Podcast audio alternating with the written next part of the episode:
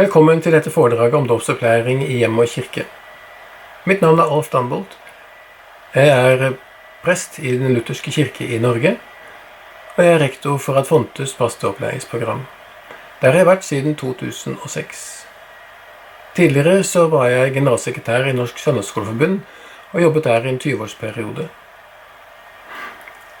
Jeg har også forsket en del på søndagsskolens røtter. Det er merkelig hvordan forventninger kan eh, prege oss, og kanskje også ødelegge for hva vi opplever.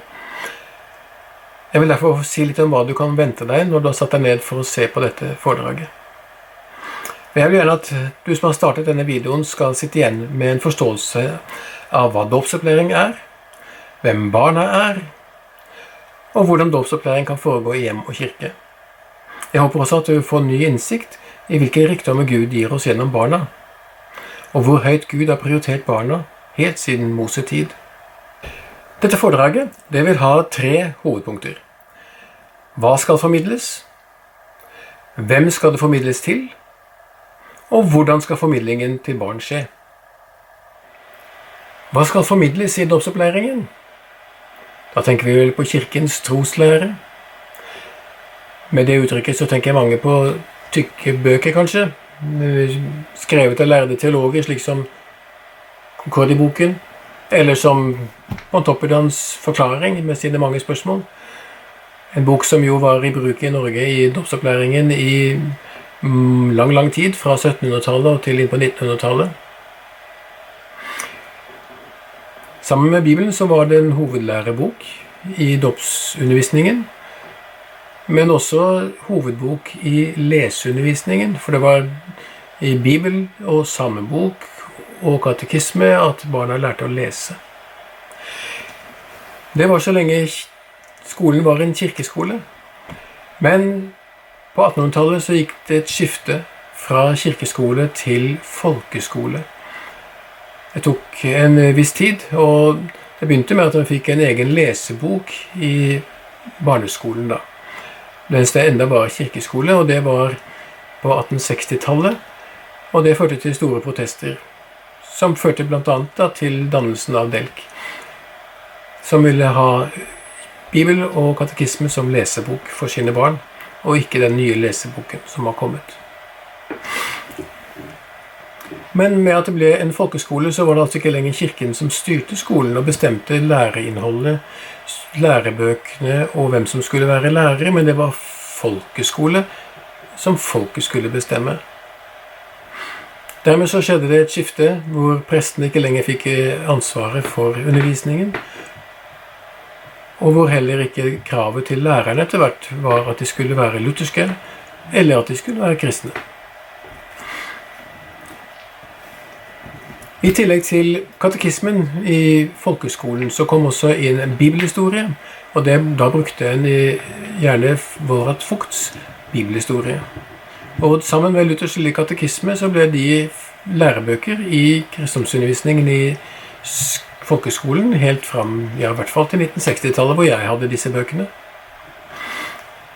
Vårat Fugts bibelhistorie den eh, ble skrevet i 1848 og kom i 100 opplag, i hvert fall, og med 38 millioner eksemplarer. Biskop Bangs eh, utgave av Luthers lille katekisme, som jeg hadde, den eh, var antagelig skrevet i 1889 eller noe slikt, og kom i sikkert like mange opplag. Under andre verdenskrig så ble det jo et skille mellom stat og kirke. Dette skillet kom jo pga. nazismen som var en ideologi som ville styre over kirken. Men etter andre verdenskrig var over, så valgte biskopene å gå tilbake på statskirkeordningen. Og en av begrunnelsene det var nettopp kristendomsundervisningen i skolen, som jo var kirkens dåpsundervisning. Og de mente at så lenge kunne ha, kirken kunne ha dåpsundervisningen sin i eh, skolen, så var det grunn nok til å være en statskirke. Denne ordningen opphørte jo i 1969. Da var det ikke lenger Kirkens toppsundervisning. Men hva er egentlig Kirkens troslære? Ja, det er vel katekismen, det. Ikke på toppedans, ikke Luthers, men selve katekismen. Men hva er det? Katekismen er rett og slett budene, troen og Fader vår. Budene forteller oss hva vi skal gjøre, og hva vi ikke skal gjøre. Troen er det som sier hvor vi skal søke for å finne det som budene krever. Og Herrens bønn viser oss hvordan vi skal be om det. Det er derfor ikke behov for å pugge katekismen. Den læres ved bruk. Når barna gjennom morgenbønn, aftenbønn, familieandakt, søndagsskolegudstjenester osv. er med på i et fellesskap der de ti bud, trosbekjennelsen og Fader vår brukes, ja, så lærer de det utenat, gjennom bruk, ikke gjennom pugging. Martin Luther sa om katekismen følgende Budene lærer altså mennesket å erkjenne sin sykdom slik at det ser og skjønner hva det kan gjøre og ikke gjøre, la være og ikke la være, og erkjenne at det er en synder og et ondt menneske. Deretter holder troen fremfor det og lærer det, hvor det skal finne legemiddelet, nåden som hjelper det å bli godt, så det kan holde budene. Troen viser mennesket Gud og den barmhjertighet han har vist og tilbudt i Kristus. For det tredje lærer Fader vår menneske hvordan det skal be om det samme, hente det og bringe det til seg selv. Det er med en bønn som er forordnet, en ydmyk og trøstefull bønn. Slik vil troen bli gitt menneske, og det vil bli salig gjennom oppfyllelsen av Guds bud. Det er de tre ting som utgjør innholdet i hele Skriften. Når Luther så kommer med sin forklaring, dreier det seg hele tiden om mitt forhold til Gud. Katekismen er sjelesorg. Kirkelæren er faktisk sjelesorg. Det er fordi verken Bibelen eller katekismen eller for den saks skyld Konkordieboken, er læresetninger. De er presentasjoner av en person og vårt forhold til ham. Kristendom er fellesskap, ikke lære. Vi leser i Salme 25, 14. Herren har fortrolig samfunn med dem som frykter ham. Når vi leser i Bibelen, så oppdager vi at dette er fellesskap det dreier seg om. Vi leser om forskjellige personers forhold til Gud. Vi leser om hva Gud har gjort i forhold til oss mennesker, og motsatt. Vi finner belærende avsnitt om forskjellige sider av forholdet mellom Gud og med oss mennesker. I andre kor 6,18 leser vi jeg skal være deres far, og dere skal være mine sønner og døtre, sier Herren den allmektige. Barna døpes inn i Guds familie. De blir Guds barn og skal hjelpes til å finne seg til rette i familien. Det handler altså om at foreldre og fadder ikke stenger barna ute fra Guds rike, slik disiplene prøvde på ved en anledning. Da ble Jesus sint. Det er nemlig ikke slik at det først er som voksne man kan bli en skikkelig kristen. Det er ikke de voksne som er modell for barna. Det er motsatt. Det er barna som er modell for oss når det gjelder kristen tro. Jesus løftet frem barnets umiddelbare, reservasjonsløse tillit som forbilde for oss. Guds barn er vi faktisk i alle aldre, og Gud er vår far. Vi leser i Lukas 18. De bar også spedbarna til Jesus for at han skulle røre ved dem. Da disiplene så det, ville de vise dem bort. Men Jesus kalte dem til seg og sa, La de små barna komme til meg og hindre dem ikke for Guds rike tilhører slike som dem. Sannelig, jeg sier dere, den som ikke tar imot Guds rike slik som et lite barn, skal ikke komme inn i det. Kort sagt, kirkelæren er Jesus Kristus, altså en person, og ikke teoretiske læresetninger som krever et intellektuelt nivå for å begripes. Det er snakk om å lære en person å kjenne, lære å leve i fellesskap med den levende Gud og hans folk. På den andre siden er det klart at det å bli kjent med noen innebærer å lære hvordan denne personen er.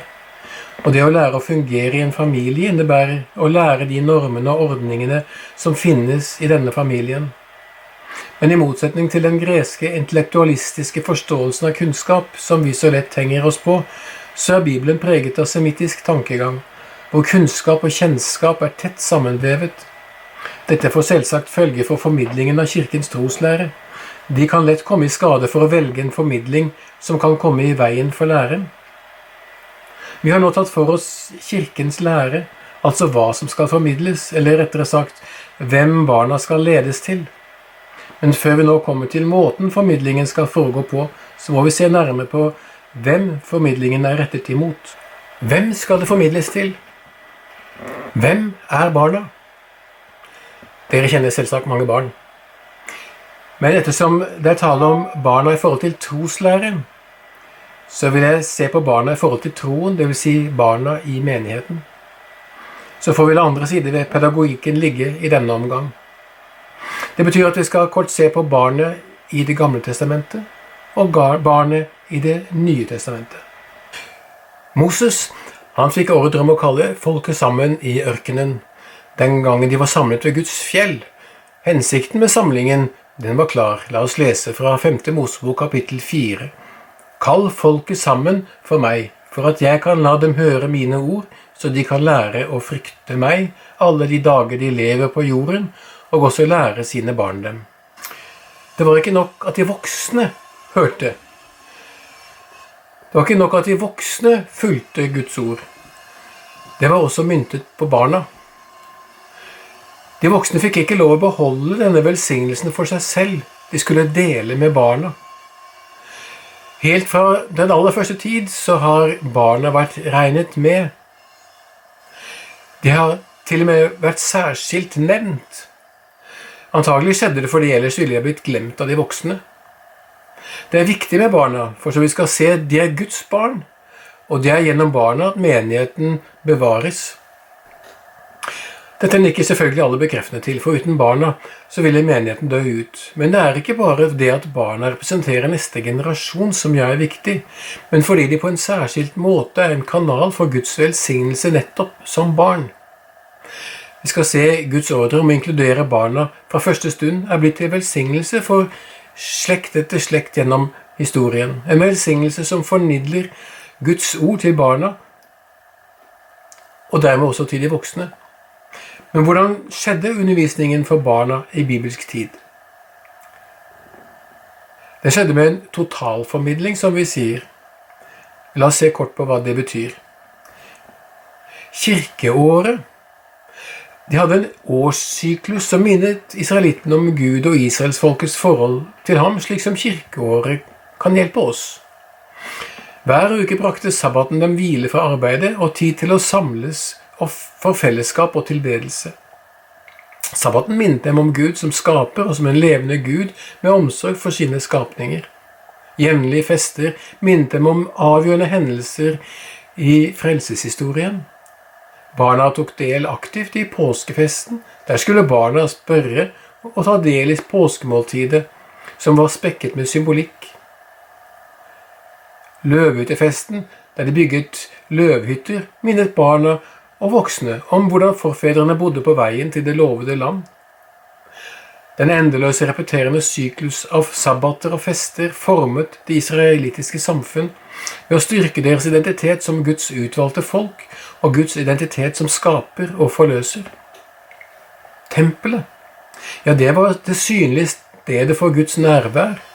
Det ga rammen om hele livet fra fødsel til død. Det var med takkeoffer, det var med offer for synd og skyld, og det minnet barn og voksne om hvem de er, og hvem Gud er.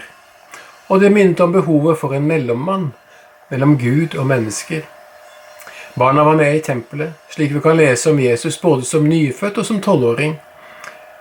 Der kunne de oppleve troslæren for sine øyne gjennom alt det som skjedde i tempelet. Familien. Hver ny generasjon står foran utfordringen med å formidle sine erfaringer med Gud til neste generasjon. Barna hadde ikke opplevd utgangen av Egypt, men det ble formidlet til dem, så de fortalte det videre som om det var deres egen erfaring. Vi finner ikke noe skole i Det gamle testamentet. Opplæringen skjedde gjennom dagliglivet, hvor foreldrene ga sine barn den nødvendige opplæring. I 5. Mosebok kapittel 6 så finner vi kjente vers om at gudstroen skal gi seg utslag i det daglige liv, både for at en selv ikke skal glemme Guds gode gjerninger til frelse, men også for at barna skal bli kjent med ham. La oss lese fra 5. Mosebok kapittel 6. Disse ord som jeg byr deg i dag, skal du gjemme i ditt hjerte, og du skal innprente dem i dine barn. Du skal tale om dem når du sitter i ditt hus, når du går på veien, når du legger deg, og når du går, står opp. Kapittel 11. Så legg dere da disse mine ord på hjerte og sinn, og bind dem som et tegn på deres hånd, og la dem være som en minneseddel på pannen. Lær deres barn dem ved å tale om dem når du sitter i ditt hus, og når du går på veien, når du legger deg, og når du står opp. Og I fortsettelsen leser vi når din sønn i fremtiden spør deg og sier hva er meningen med? Ja, det er dette som er pedagogikken som Luther kopierte med spørsmål og svar i sine katekismer.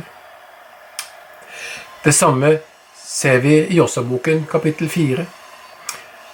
Da Josva hadde ledet israelittene over Jordanelven på tørre bunnen, mens vannet sto som en vegg på begge sider, ja, da la de opp en haug med tolv steiner på elvebredden. Hvorfor gjorde de det? Jo, det var for at barna deres senere skulle spørre hvorfor ligger de steinene der ved elvebredden, og så kunne de fortelle om dette underet som hadde skjedd da de krysset elven.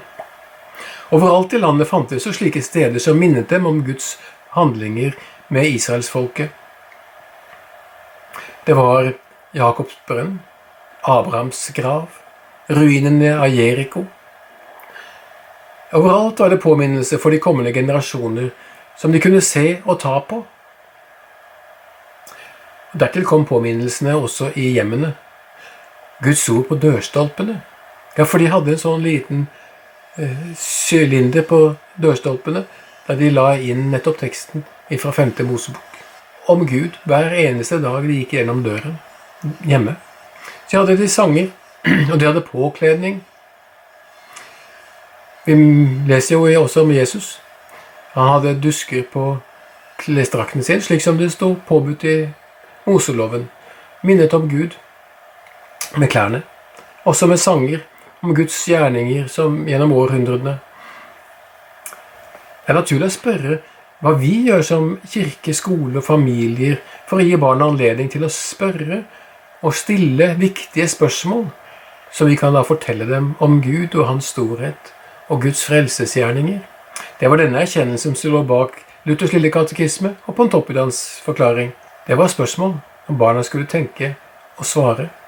Guds plan har ikke vært hemmelig. Gjennom sine profeter så har han avslørt hva som ligger foran, slik at hans folk kunne se fremover med forventning og glede, slik vi leser i Jesaja 35. Styrk de slappe hender og gjør de vaklende knær sterke. Si til de urolige hjerter, vær fremodige, frykt ikke, se der er deres Gud. Da skal blinde øyne åpnes, og de døves ører lukkes opp. Da skal den lamme springe som en hjort, og den stummes tunge juble. For kilder bryter frem i ørkenen, og bekker i ødemarken. Og dette ble oppfylt. Det skjedde palmesøndag. Da ble disse profetiene oppfylt ved at Jesus helbredet halte og blinde. Det skjedde midt foran øynene på folk. Fariseerne og de skriftlærde de så ikke hva det betød, men det gjorde barna. De hyllet Jesus. De som skulle hatt forutsetninger for å se hva som skjedde, og forstå at det var oppfyllelse av profetier, de skjønte det ikke. Men barna, de skjønte.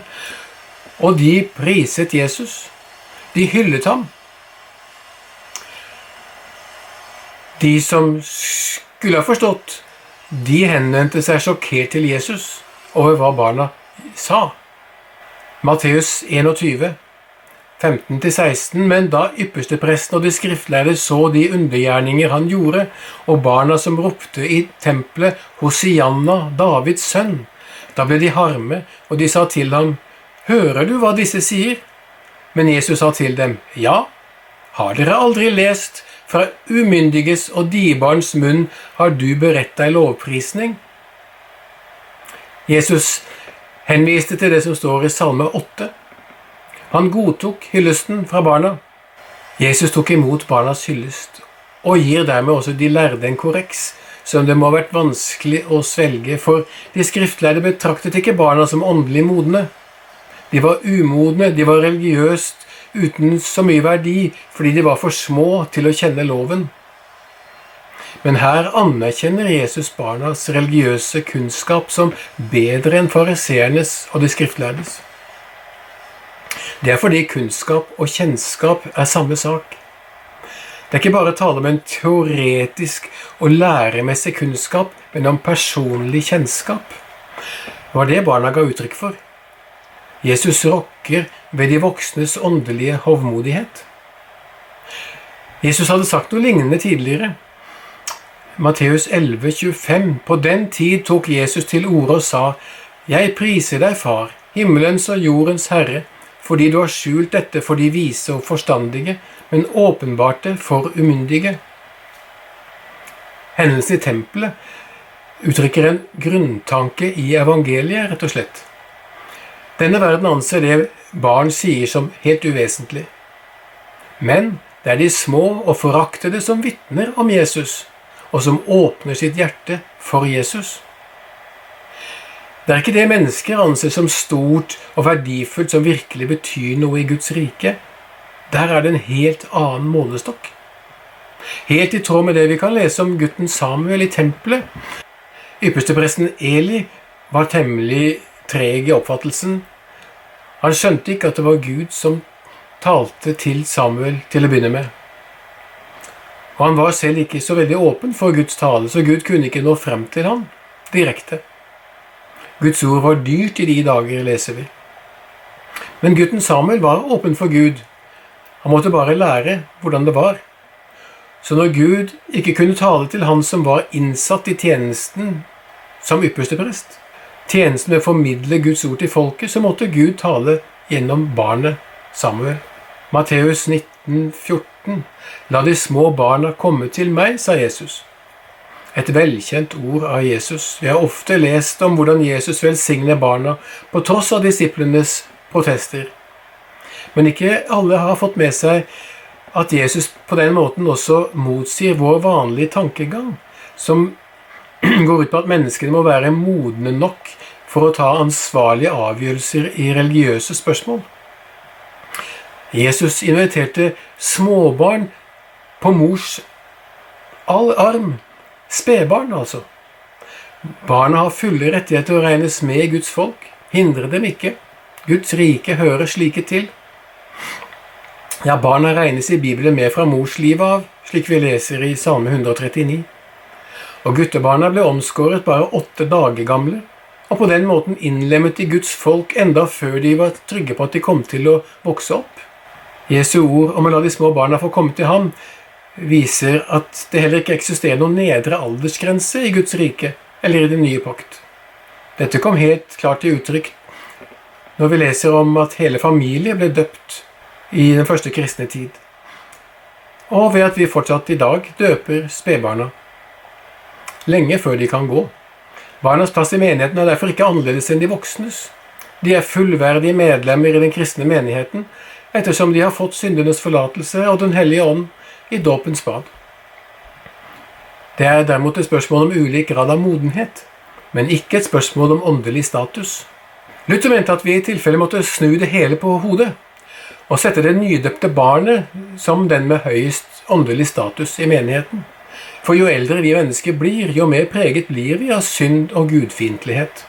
I en liten bok om Martin Luther og barna står det om hvordan han laget vekselsang av juleevangeliet for barn finner den i Delksamleboken nummer 21. Den diktet han mens han satt og vugget sin lille Margarete. Moren leverte henne nemlig til sin mann på hans arbeidsværelse pga. all skrikingen som hindret hennes arbeide. Han skrev også en kampsang for barn, nummer 261 i Delksalmeboken, som gjør barna til syngende forbedre for kirken mot dens fiender. Martin Luther hadde alltid med seg små gaver til barna når han kom hjem fra reise. En gang gikk han i fem timer med barna for at de skulle få plukke kirsebær i hagen hos en venn. Barnevennen Martin Luther kunne også fable om himmelen sammen med barna. På spørsmålet om også hundene kom til himmelen, så svarte han at de kom dit med gyllent hår og hud, med lokker og edelstener. Der skulle vi også lære av Gud å lage vakre fugler med lysende øyne om dem som ikke sørger for barnesjelene slik de skulle, sier Luther. At de fratar Gud en engel, en tjener, en trøster for menneskene, en konge og fyrste i sitt rike, et liv og en sjel, en høvding og ridder i striden mot djevelen. Borni er den dyreste Guds gåva og skatt, som er den varaste omsut verd, skriver biskop Comenius i 1633 i sin lille bok Skulen hennar mor. Det er det han kaller opplæringen som barna får hjemme i de første seks årene. Der skriver han bl.a. følgende i et avsnitt der han skildrer forskjellen på barn og gull og sølv. Herren Gud har ikke lova å sette engler for himmelen attmed sylvet og gullet og all slags eiendom. Men attmed borni er alltid heilage engler reiste opp til vakt, som Kristus vitner, slik at den som har born heime hjå seg, kan være viss på at han hyser engler i huset sitt.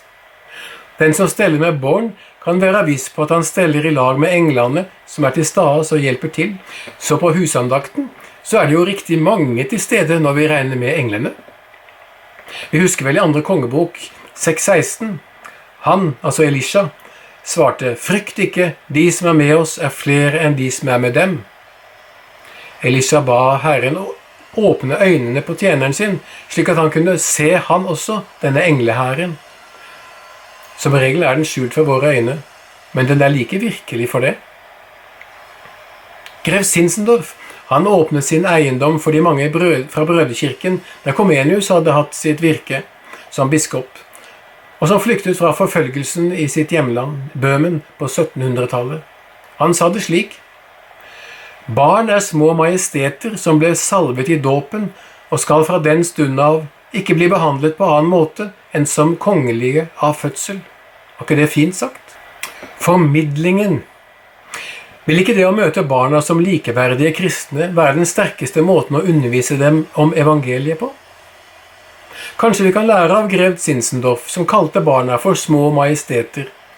De ble salvet i dåpen og skal behandles som fødte kongelige. Når barna behandles på den måten i menigheten og ikke overses, erfarer de evangeliet og Guds kjærlighet. Det er viktig å få med seg at vi lett tenker gresk om kunnskapen. Vi tenker kunnskapsformidling som overføring av faktiske kunnskaper, teoretisk kunnskap. Men i semittisk tankegang som vi møter i Bibelen, er det annerledes. Der er kunnskap og kjennskap to sider av samme sak. Det betyr at det ikke er mulig å tenke seg formidling av kunnskap om Jesus løsrevet fra kjennskap til ham. En slik oppsplitting vil faktisk endre kunnskapens innhold. Jesus gjøres til noe helt annet. En annen enn han egentlig er. Jesus er jo ingen teoretisk lære, han er en person. Trosbekjennelsen kan derfor per definisjon ikke formidles som tre teoretiske læresetninger uten i praksis å forandre deres innhold. Det handler ikke om kunnskap alene, men om kjennskap som gir kunnskap om Faderen, Sønnen og Ånden. Man kan lære Fader vår utenat, men hva så? Det er en bønn, ikke et dikt. Man kan lære budene utenat, men hva så? Det er Guds vilje for oss. Ikke bare fine etiske regler. Derfor er KRL-fagets en underminering av den kristne tro, for det er ikke mulig å formidle Kirkens troslære på linje med andre religioner. Den kan ikke sidestilles med andre, da fornektes dens egenart. Den kan egentlig bare fullt ut formidles i bruk, og bare mottas i bruk. Da er den ikke lenger abstrakt, men levende, konkret, slik at også barn, mindre barn, kan begripe det. Ingen av oss kan forstå det teoretisk. Du kan heller ikke forstå en annen person, selv om det, du vet alt mulig faktisk om personen. Biologien kan beskrive de biologiske funksjonene, kjemien de kjemiske prosessene, fysikken beskriver bevegelsene, historien forteller hva som har skjedd med personen. Men kjent med personen, det blir vi gjennom samtale og samvær. Slik er det også med Gud og Guds sønn. Naturvitenskapene kan fortelle om skaperverket, historien om Guds gjerninger, men hvordan kan de bli kjent med Gud? Religionspedagoger har lagt frem undersøkelser om at barn ikke forstår abstrakte ting før de er ganske så store. Min erfaring er noe helt annet. Jeg mener at deres undersøkelse kanskje gjelder for sekulariserte barn, men det gjelder ikke for barn som er vokst opp i en religiøs sammenheng. Barn som vokser opp i troens rom, begriper akkurat like godt som oss voksne disse såkalte abstrakte trossannhetene. Det er nemlig ikke abstrakt teori, men personlig kjennskap, og det er barn veldig gode på. Gjentakelsens betydning. De jødiske lærde la vekt på gjentagelsens effekt. Talmuds beretning av Moses undervisning egner seg her som et veldig godt eksempel. Moses underviste Aron. Så hørte Aron på når Moses gjentok det for Arons sønner. Og så hørte Aron og sønnene på da Moses gjentok det for de 70 eldste. Og som igjen hørte det da Moses underviste folket. Det var fjerde gang Aron hadde hørt det fra Moses, og nå var det hans tur til å gjenta det for folket etter at Moses hadde gått. Og så gikk Aron. Sønnene hans, som nå hadde hørt det hele fire ganger, gjentok det for folket før de gikk. Og så overlot de folket til de eldstes gjentagelse. Så ble folket overlatt til seg selv, slik at de kunne gjenfortelle det til hverandre. Og så til sine barn, som igjen skulle fortelle det til sine barn, osv. Hørt før er altså ikke nødvendigvis så negativt. Særlig ikke i et samfunn der nesten alt vi ellers møter av synspunkter og påvirkning, prøver å fravriste oss akkurat dette. Rabbi Joshua ben Levi sa den som underviser uten å få leksjonen gjentatt høyt, er som en som sår uten å høste. Barn trenger en basis av kristen kunnskap som de kan bære med seg ut i livet. Da er det viktig å repetere. At barna kan høre om igjen og om igjen kjente bibelfortellinger, og gjerne selv gjenfortelle dem. Lære dem sentrale bibelord, gode bønner. Lære dem utenat, gjennom bruk. Ved å gjenta det jevnlig, enten i faste ordninger eller gjennom lek og konkurranser. Synge sanger som de lærer seg å kjenne, slik at de kan synge av full hals resten av livet. Da må det være sanger som har et innhold, et innhold til å leve på. Det er ikke alltid så viktig å finne på noe nytt. Gjenkjennelsen og følelsen av å beherske noe er også viktig. Tenk bare på hvor ivrige barn er til å lære seg regler for lek og spill, for å mestre dem. Vi kan gi dem gleden av å mestre Fader vår, trosbekjennelsen, budene, sentrale bibelfortellinger. Gjennom en klok bruk av repetisjon så vil barna bære med seg en kristendomskunnskap som de ikke mister. En kunnskap som kan ligge i bunnen for de valg de senere skal ta i livet, og som Ånden kan gjøre levende. Hvor skjer dåpsopplæringen? Jo, den skjer i familien. Familien, en levende kirke. Familien er et sentralt begrep i Bibelen. Hovedordet er hus. Og det brukes om hele folket, Israels hus. Israels ett. Det brukes også om et enkelt familie, Lydias hus. Ordet brukes også om Guds hus, den kristne menighet. Hebreerbrevet 3, vers 6. Men Kristus var tro som sønn, satt til å styre huset, og hans hus er vi. Hvordan er det man kommer inn i en familie? Jo, man fødes inn i den. Og slik er det også i Guds familie. Vi ble født inn i den da vi ble døpt. Den som ikke har rømt hjemmefra, er altså med i Guds familie. Det som altså betyr mest for mennesker i dag, det er kjernen i Bibelens budskap familien. Et fellesskap som Gud har gitt oss, så vi lettere skal kunne skjønne hva kirke og menighet er. Den kristne menighet er bygget opp av små husenheter. Kornelius' hus, fangevokterens hus, Danbolds hus, Nilsens hus, Pettersens hus, Bygstads hus osv.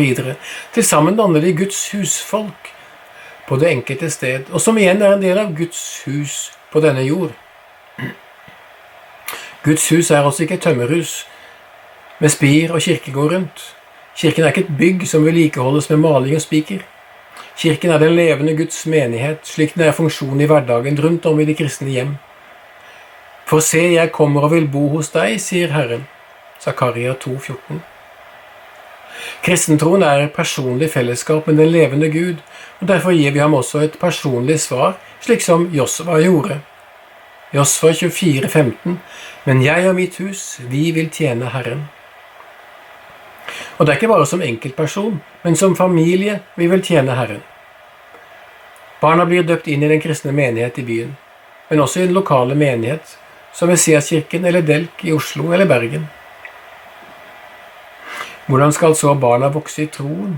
Jo, gjennom personlige, tillitsfulle relasjoner.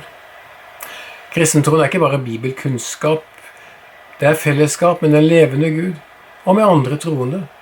Å være kristen er å leve i et fellesskap, i Guds familie, i menigheten, hjemme og i kirken. Det som vi har sett og hørt, det forkynner vi for dere, for at også dere kan ha samfunn med oss. Og vårt samfunn er med Faderen og med Hans Sønn Jesus Kristus, leser vi i 1. Johannes brev. Familierelasjonene er kanalen inn i gudsfellesskapet. Foreldrene er som Nathanael, som inviterer sin slektning til å komme og se for seg selv. Hvordan skjer så dåpsopplæringen? Med Jesus i hjem og menighet. På døren i min oldefars hus i Bergen hang det et skilt en stund hver dag. Vær vennlig, ikke forstyrr, her holdes husandakt. Han var en opptatt bedriftsleder, så det var nok mange som ville ha tak i ham. Men for ham var det viktig å skjerme seg og familien i forbindelse med dagens husandakt. I vår travle hverdag kan det hende at det ikke hjelper med noe skilt på døren. Det kan være telefonen eller de mange gjøremål som presser på. Ikke minst i en familie med barn som skal av gårde til ulike aktiviteter til ulike tider. Da kan det være en utfordring å finne en tid på dagen som familien kan være samlet. Men dersom en ikke bestemmer det, så skjer det ikke.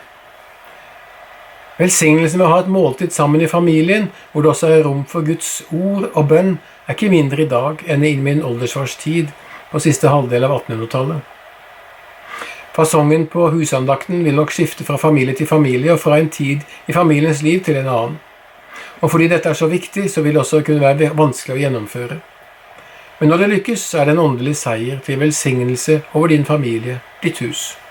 Familielivet endres ettersom årene går. Barna blir større, og det kan være andre markerte skifter i familielivet, som sykdom, flykting, jobbskifte for foreldre osv. Det kan være at alt det som fungerte godt tidligere, ikke lenger fungerer så godt.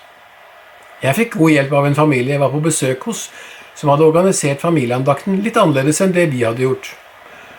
Det hadde fungert bra før hos oss, men så var barna blitt litt større, og så fikk jeg oppleve hvordan en familie med større barn gjorde det. Det var rett hjem og prøve, og det funket. Aftenbønnen kan godt kombineres med å lese en bibelfortelling. Hvorfor ikke ha det som fast rituale, at det leses en bibelfortelling før aftenbønnen? Alt som en avslutning på leggingen med å roe barna. Det finnes gode bibelfortellingsbøker og barnebibler som er til god hjelp.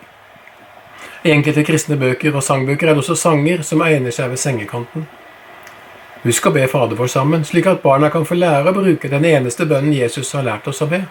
Luther anbefalte også å bekjenne troen sammen med den apostoliske trosbekjennelsen og si frem budene Repetisjon, repetisjon, stadig påminnelser. Bordbønn er også en god skikk, enten synges eller sies. Den minner oss om at Gud har skapt oss og sørger for oss, og at Gud ikke er fjernt fra vårt daglige liv.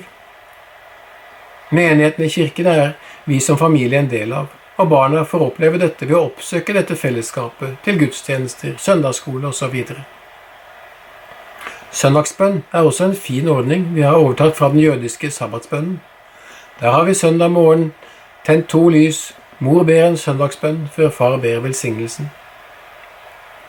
Da jeg begynte å forske på søndagsskolens og dåpsopplæringens historie, så oppdaget jeg fort at jeg var arvelig belastet.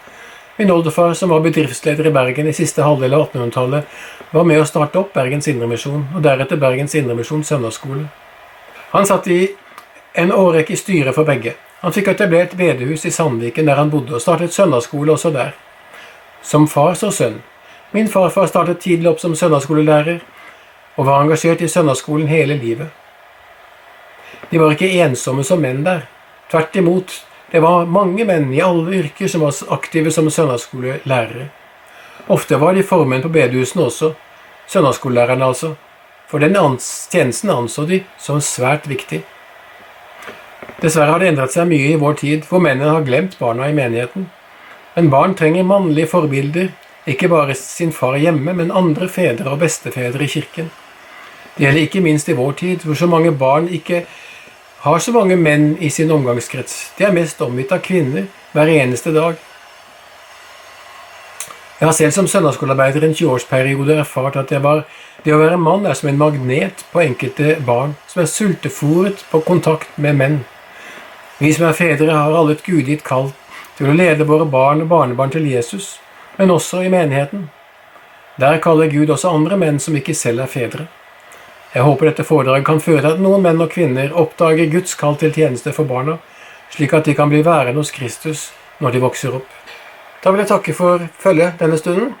Og jeg håper jeg kunne viderebringe noe av gleden med å formidle evangeliet til barna. Og så vil jeg avslutte med å vise et opplegg for søndagsbønn som kan brukes f.eks. på søndag frokost i familien. Med ønske om en velsignet dag i Jesu navn.